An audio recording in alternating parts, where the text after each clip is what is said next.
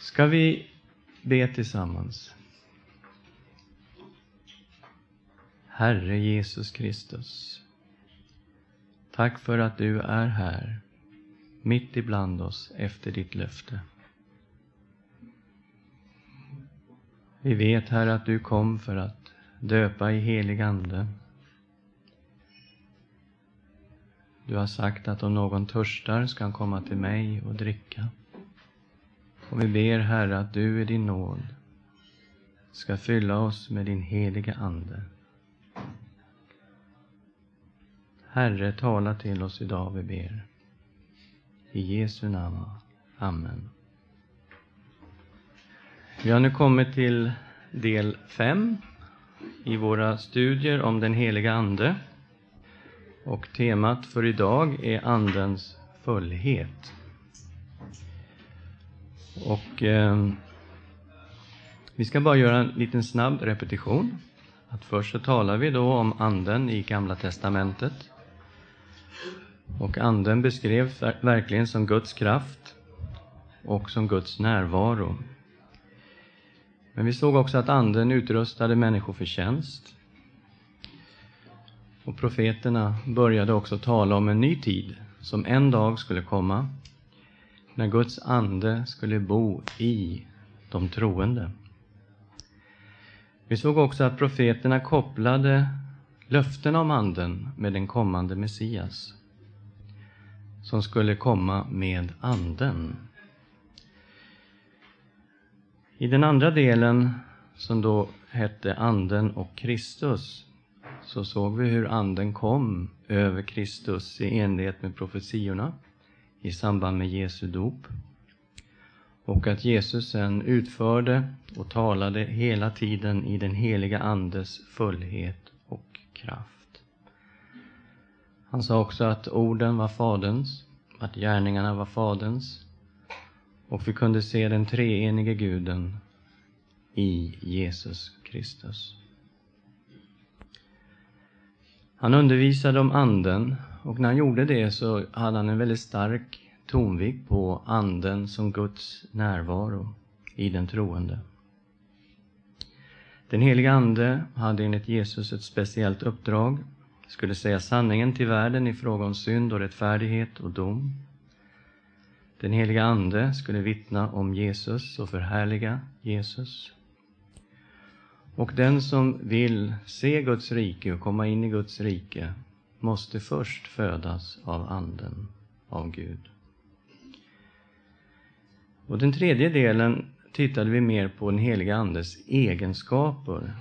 Och eh, vi såg att den heliga Ande är Gud. Att han är en person.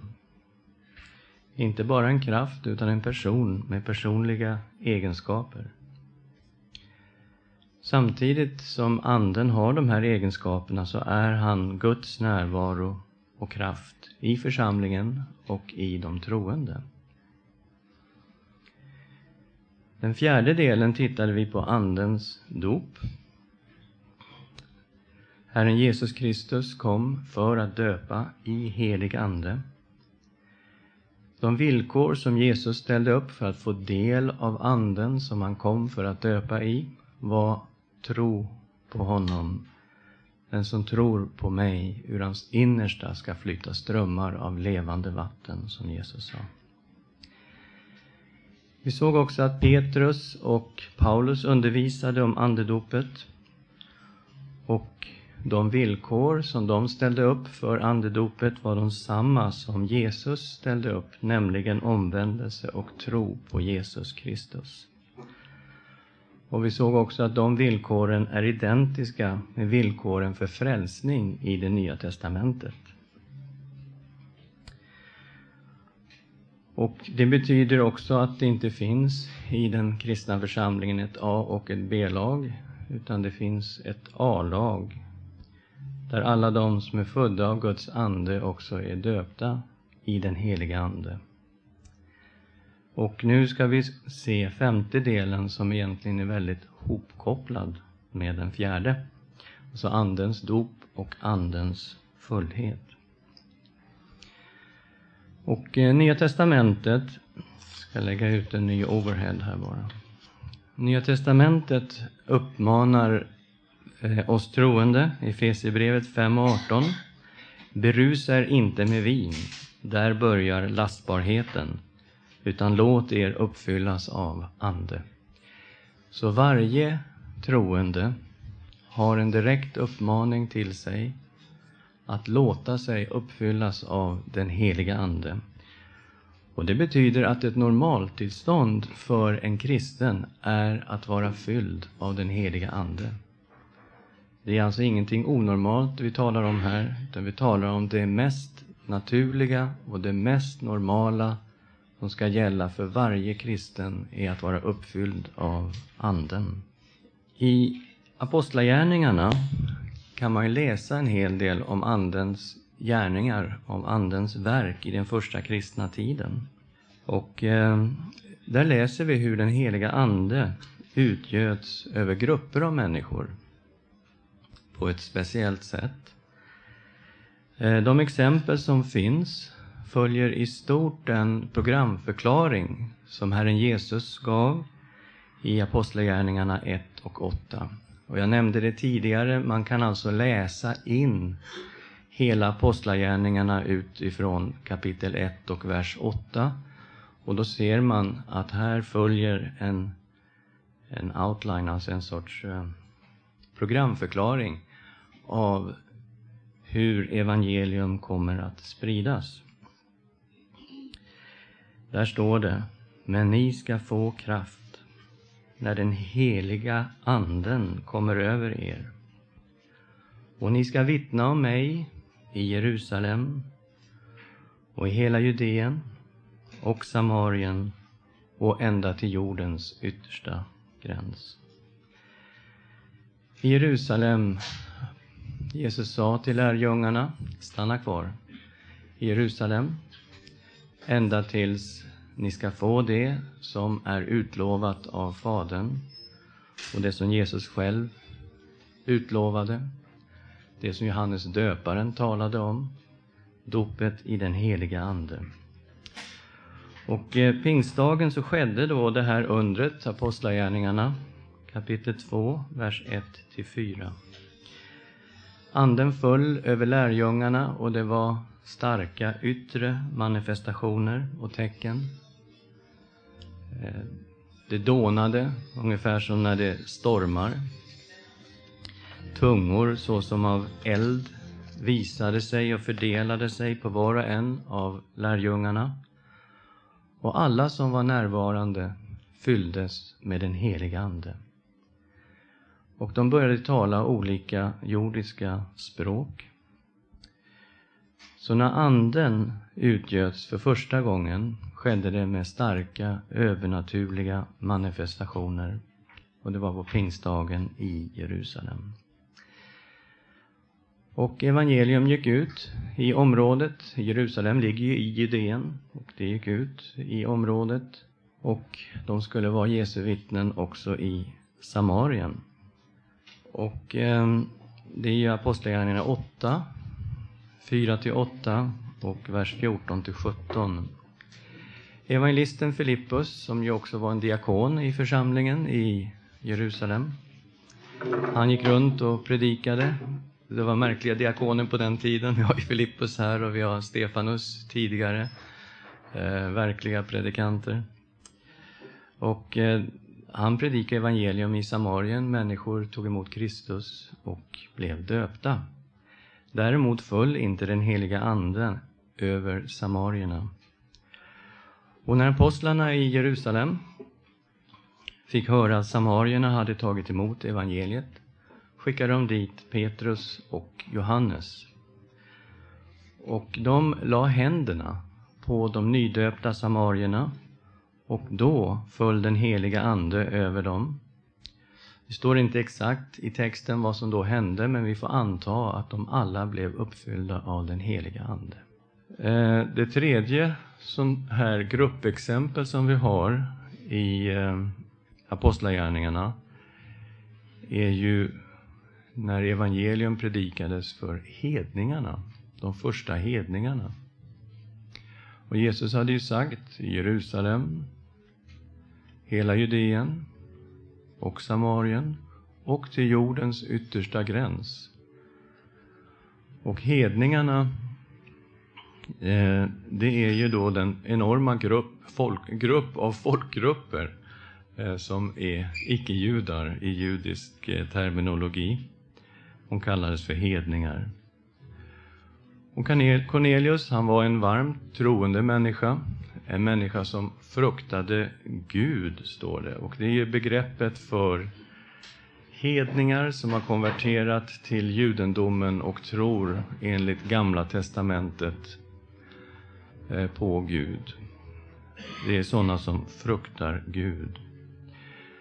Och eh, Herren skickade en ängel till Cornelius med klara instruktioner hur han skulle hämta upp en Simon, Simon Petrus, ifrån staden Joppe. Och han eh, lyder det här, skickar iväg två stycken personer som ska hämta Simon från Joppe.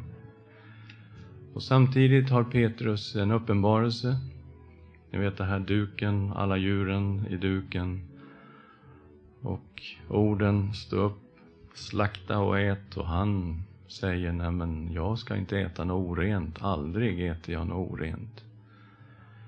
Och då kommer rösten, vad Gud har förklarat för rent ska du inte hålla för orent. Och tre gånger kommer det här och han vet inte vad det betyder. Han förstår ju att Gud säger någonting till honom, men han vet inte vad det betyder. Men samtidigt så kommer de här hedningarna och frågar, eh, mm, ska finnas någon Simon här? Vi ska hämta honom. Då börjar Petrus koppla vad det handlar om. Han ska gå in i en hednings hus denne jude som aldrig har satt sin fot i en hedningshus. Nu ska han gå in i en hedningshus och förkunna evangelium och det var ju någonting oerhört. Och medan han står där och predikar, han har inte kommit vare sig till punkt eller mycket annat heller, så faller den heliga Ande över alla som är där och det står att de talade i tungor.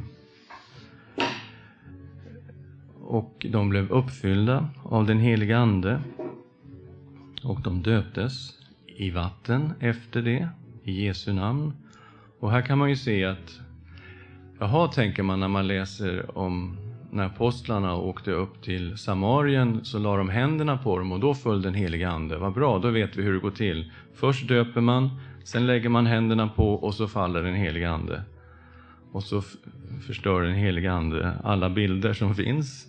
Innan dopet, ingen handpåläggning, så faller bara anden tjonk. Ja, då sprack den modellen. Eh, och så var det ju också på pingstdagen, det var ingen handpåläggning, anden bara full över dem som var där. Så har vi den fjärde, det fjärde exemplet i Apostlagärningarna, lite speciellt i sin karaktär. Eh, I Efesus fanns det tolv män som var Johannes troende. De eh, var döpta enligt Johannesdopet. De kände inte till Jesus och de kände inte till den heliga Ande. Men eh, Paulus kommer dit och möter de här männen och ger dem undervisning, döper om dem i Jesu namn och lägger sina händer på dem och den heliga Ande faller över de här tolv och de började tala i tungor och profetera. Eh, de här ovanstående fyra exemplen, de eh, följer ju väl den programförklaring som Jesus har gett. Att när den heliga Ande kommer över apostlarna så ska de få bli Jesu vittnen i Jerusalem, som ju låg i Judeen, i Samarien och till jordens yttersta gräns, till hedna folken. När evangeliet fördes till, eller först på pingstdagen i Jerusalem, när den heliga Ande föll, så spelade Petrus en speciell roll. Han håller sin berömda predikan när han talar om vad det är som har hänt och hur andra människor, de som fanns i Jerusalem, ska kunna få del av den heliga Ande. Och vi vet ju att som resultat av den predikan 3000 personer på en dag som omvände sig och tog emot Kristus. Sen när evangeliet kommer till Samarien så spelar Petrus också där en huvudroll. Det är han och Johannes som skickas upp, som får lägga händerna på samarierna och den heliga Ande faller.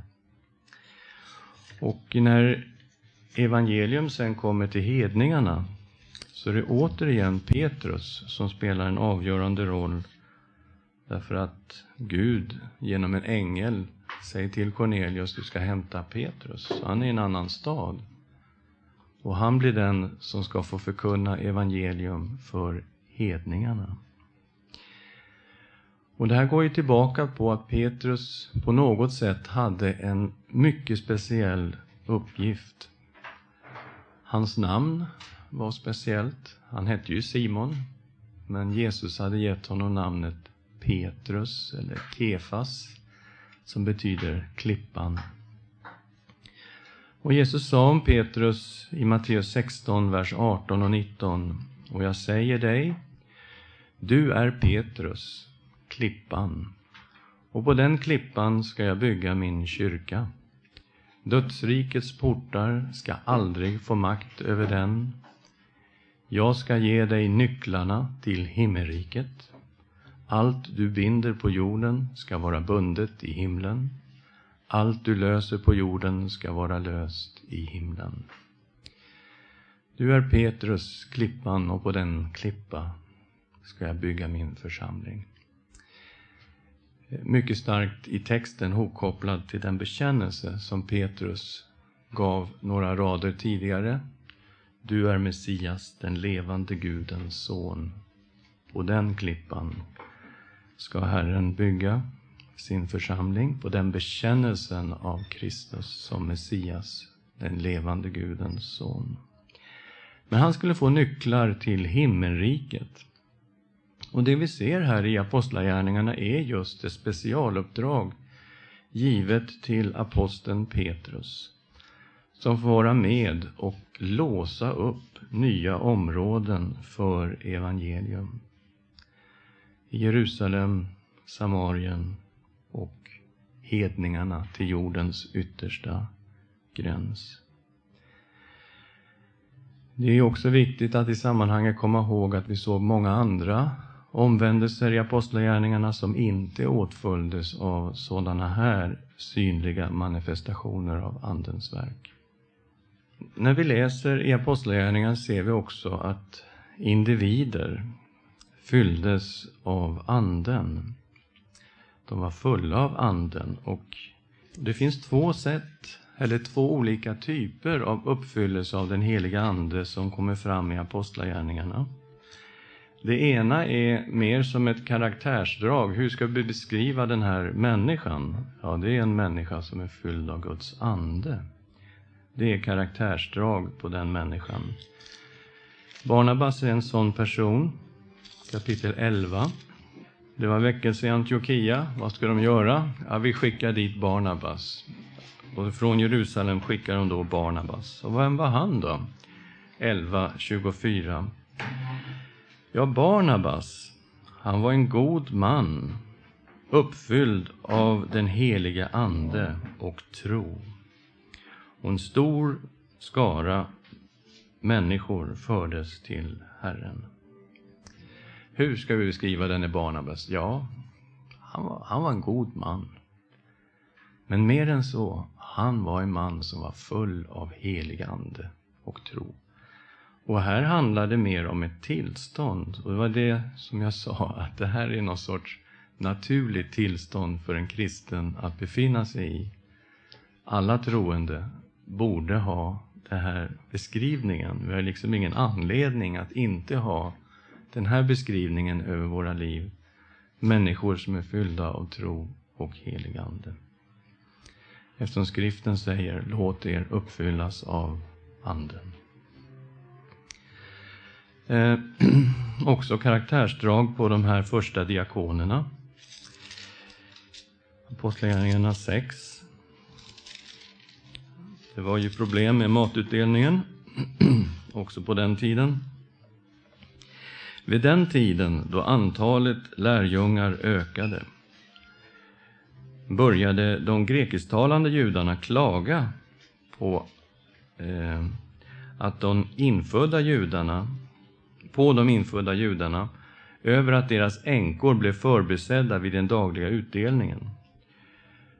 Då kallade de tolv till sig alla lärjungarna och sade, det är inte bra att vi försummar Guds ord för att göra tjänst vid borden. Nej, bröder, utse bland er sju män som har gott anseende och är uppfyllda av ande och vishet. Så ger vi dem den uppgiften. Själva ska vi ägna oss åt bönen och ordets tjänst. Alla de församlade tyckte att förslaget var gott och de valde Stefanus, en man uppfylld av tro och den helige Ande. Och så de andra också som var lika uppfyllda av tro och helig Ande. Eh, vi har just läst om Filippus som var ute och predikade i Samarien. Som fick leda den etiopiska hovmannen till tro och så vidare. Jag vet inte vad de hade för diakoner, men det var alltså eh, väldigt speciella människor. Men vad som är sant om de här människorna, det var att de var alla uppfyllda av den heliga Ande. Alltså inte någon sak som hände vid ett speciellt ögonblick, utan någonting som beskrev deras karaktär som kristna. Det var det. Ständigt, så att säga, på något vis uppfyllda av den heliga Ande. Och så har vi då den andeuppfyllelse som eh, vi kanske eh, fastnar mer för, och det är kanske vår mänskliga svaghet som är så, men den är ju mer spektakulär. Och eh, den är omnämnd på eh, några ställen i Apostlagärningarna. Uppfyllelsen av den heliga Ande vid ett speciellt tillfälle. Och vid de här tillfällena, när den heliga Ande fyller en människa på ett ögonblick, kan man säga, då kan vad som helst hända, faktiskt. Då eh, kommer ofta den heliga Ande med oerhörd kraft.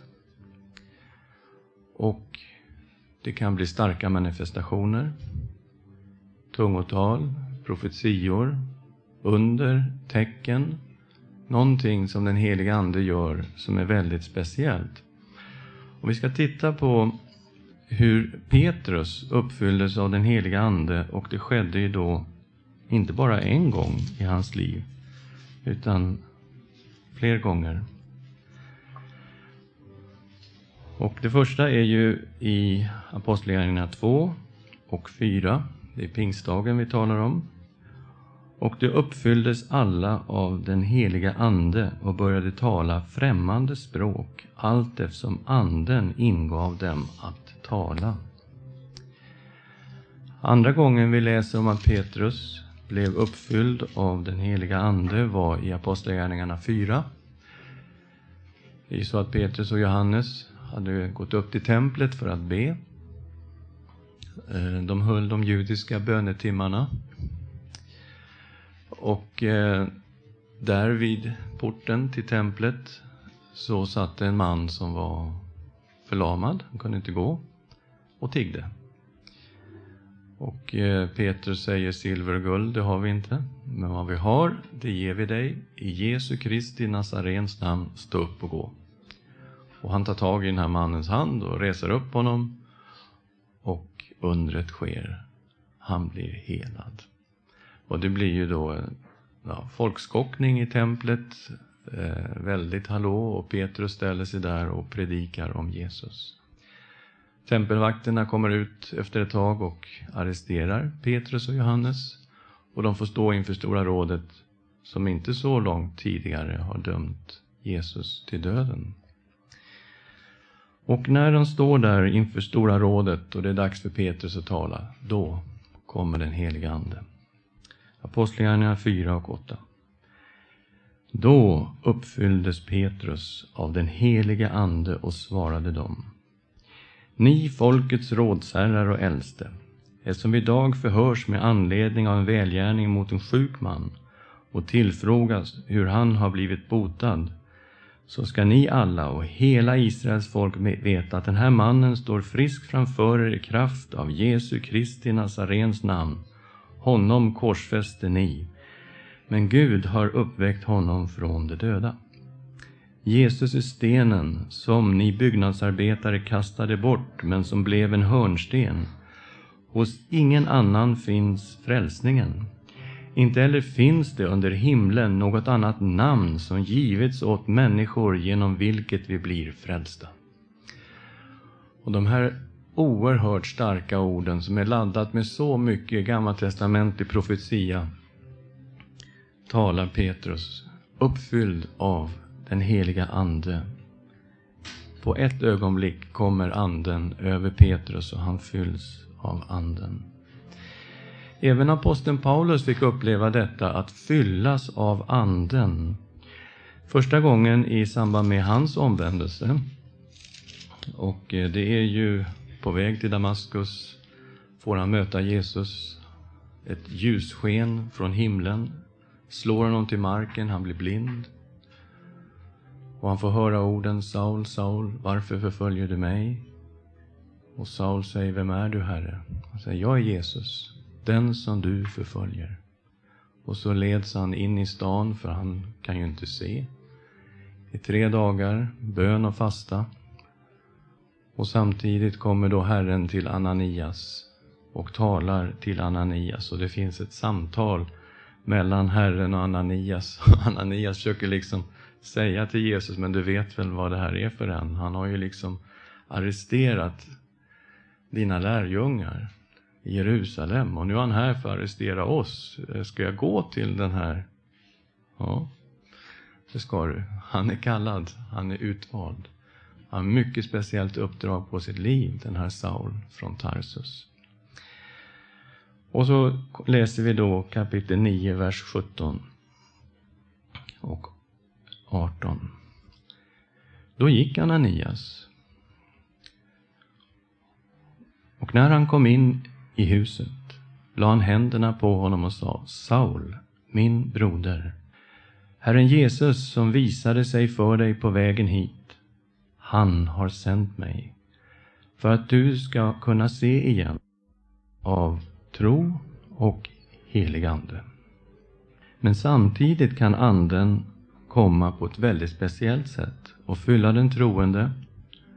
Och det kan ske med starka manifestationer av Andens verk, såsom tungotal, under och tecken.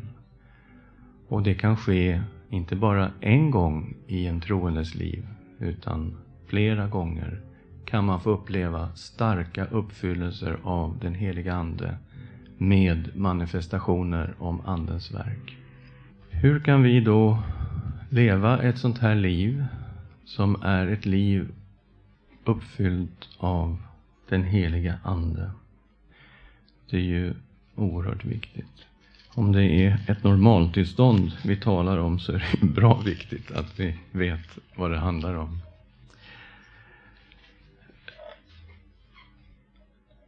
Alla troende har tagit emot Anden genom tron på Jesus Kristus.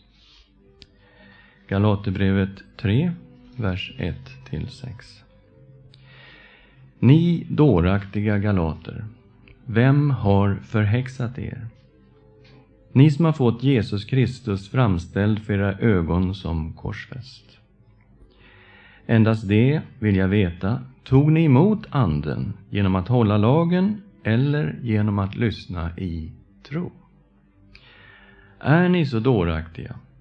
Ni som började i Anden, ska ni nu sluta i köttet?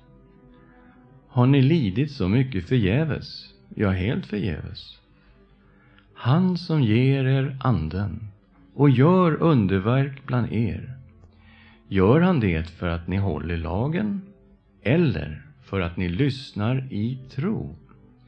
Liksom Abraham, han trodde Gud och det räknades honom till rättfärdighet.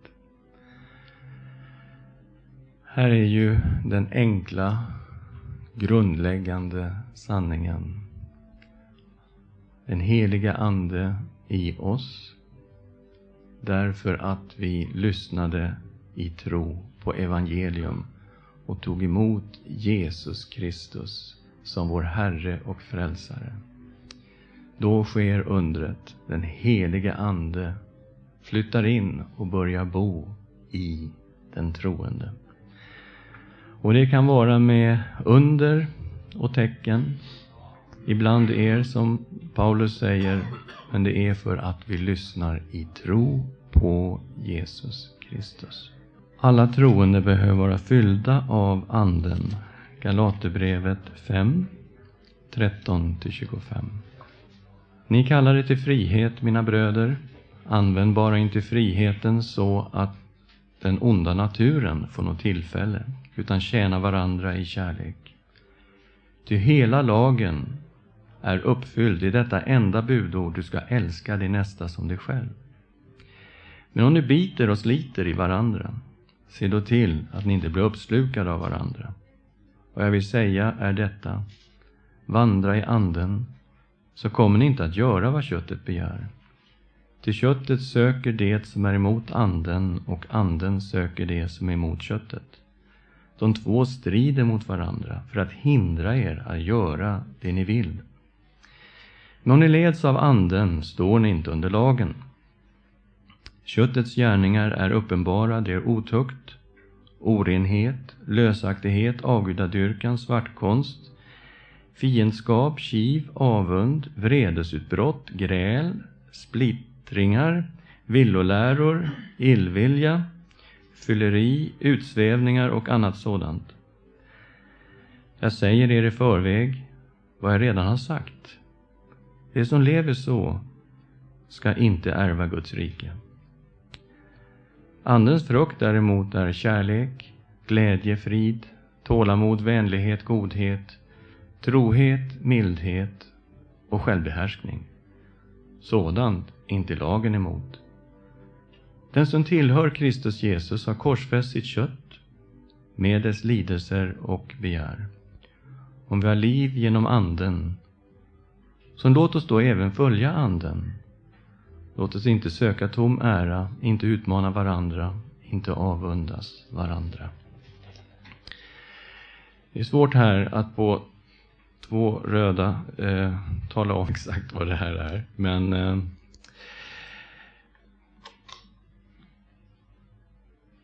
Galaterbrevet handlar ju om att judaister kom och ville tvinga hedna kristna att omskära sig, att hålla hela Moses ceremoniallag om de ville vara rättfärdiga inför Gud.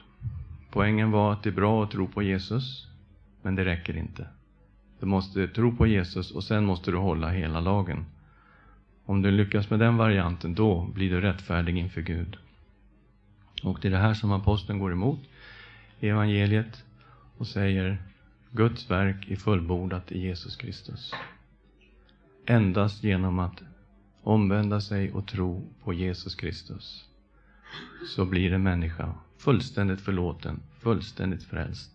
Och det finns ingenting som vi kan lägga till det Gud har gjort i Jesus Kristus. Och därför kommer det här med lagen in i bilden. Ni blir kallade frihet, bröder. Använd bara inte friheten så att den onda naturen får något tillfälle, utan tjäna varandra i kärlek.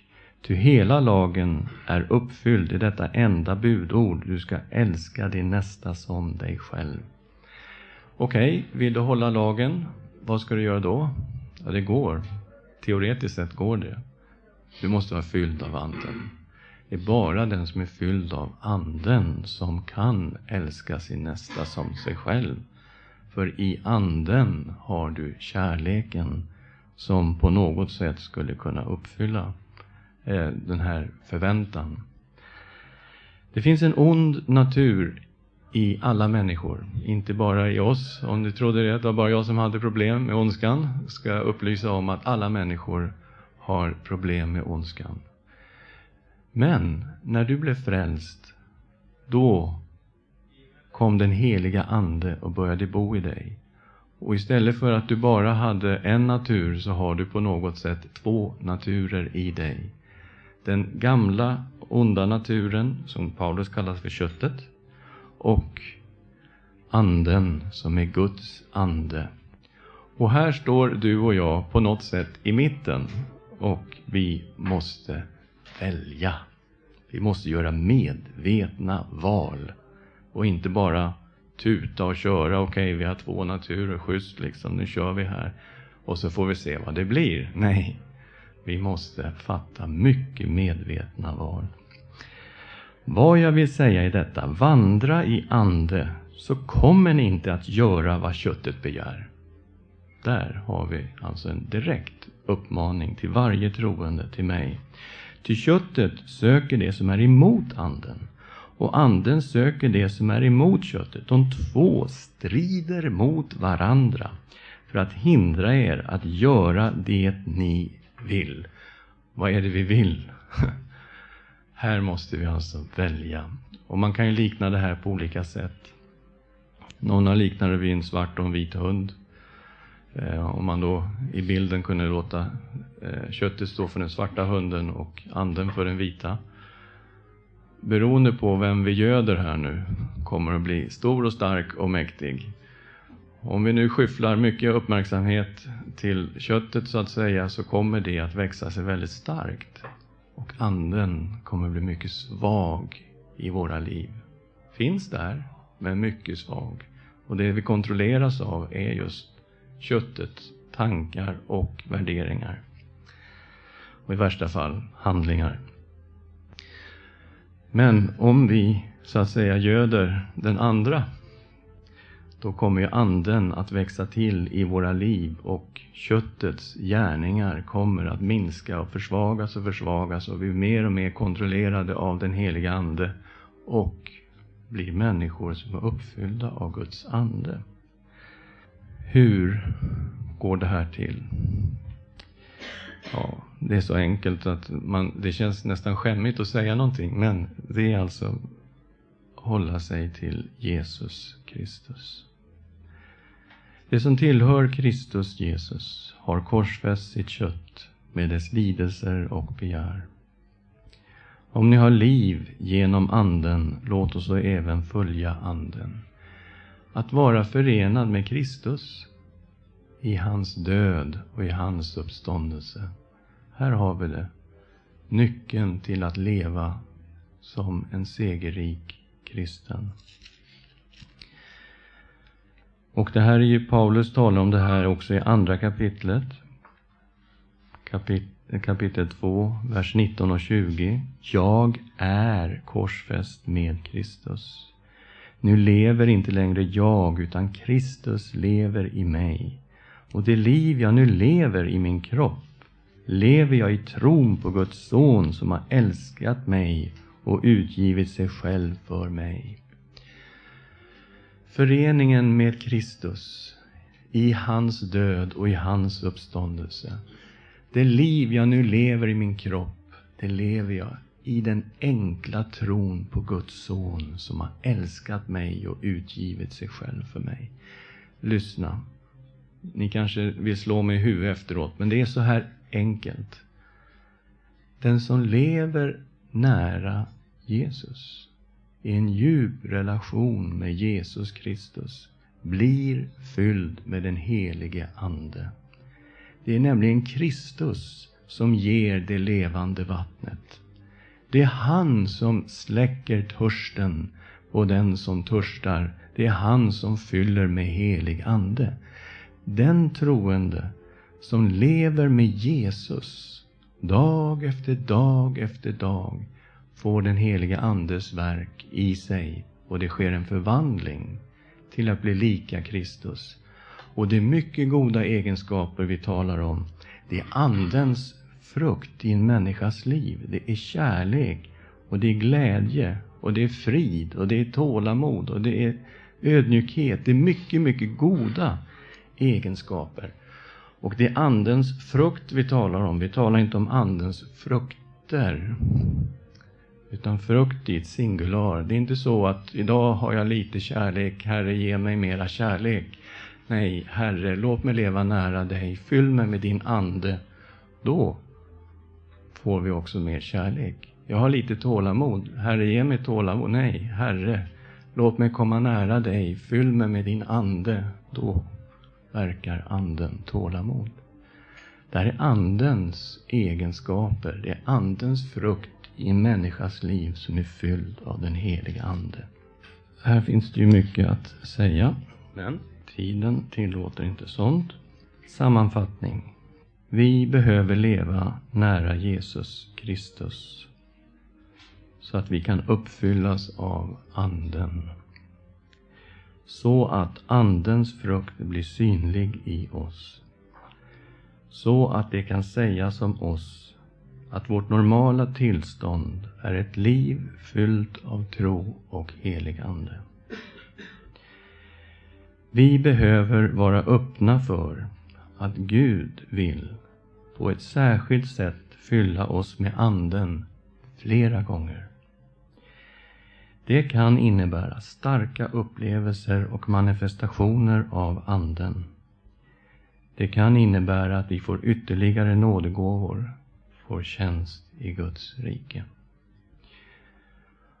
Och som jag sa, det här vi har talat om idag är mycket nära ihopkopplat med det vi talade om förra gången. Dopet i den heliga Ande. Andens dop och uppfyllelse i den Ande som vi har blivit döpta i. Må det ske inte bara en gång i våra liv. Må vi bli fyllda många gånger. Och må Gud manifestera sin närvaro med under och tecken i våra liv och i vår församling. Ska vi be tillsammans? Herre, tack för den heliga Ande. Din egen närvaro i våra liv. Din kraft. Herre, fyll oss, fyll oss med din Ande. Vi tackar dig också för de nådegåvor som du har gett. Men vi vill vara öppna för att få mer av dig. Av din kraft, av din närvaro och av dina gåvor. I Jesu Kristi namn. Amen.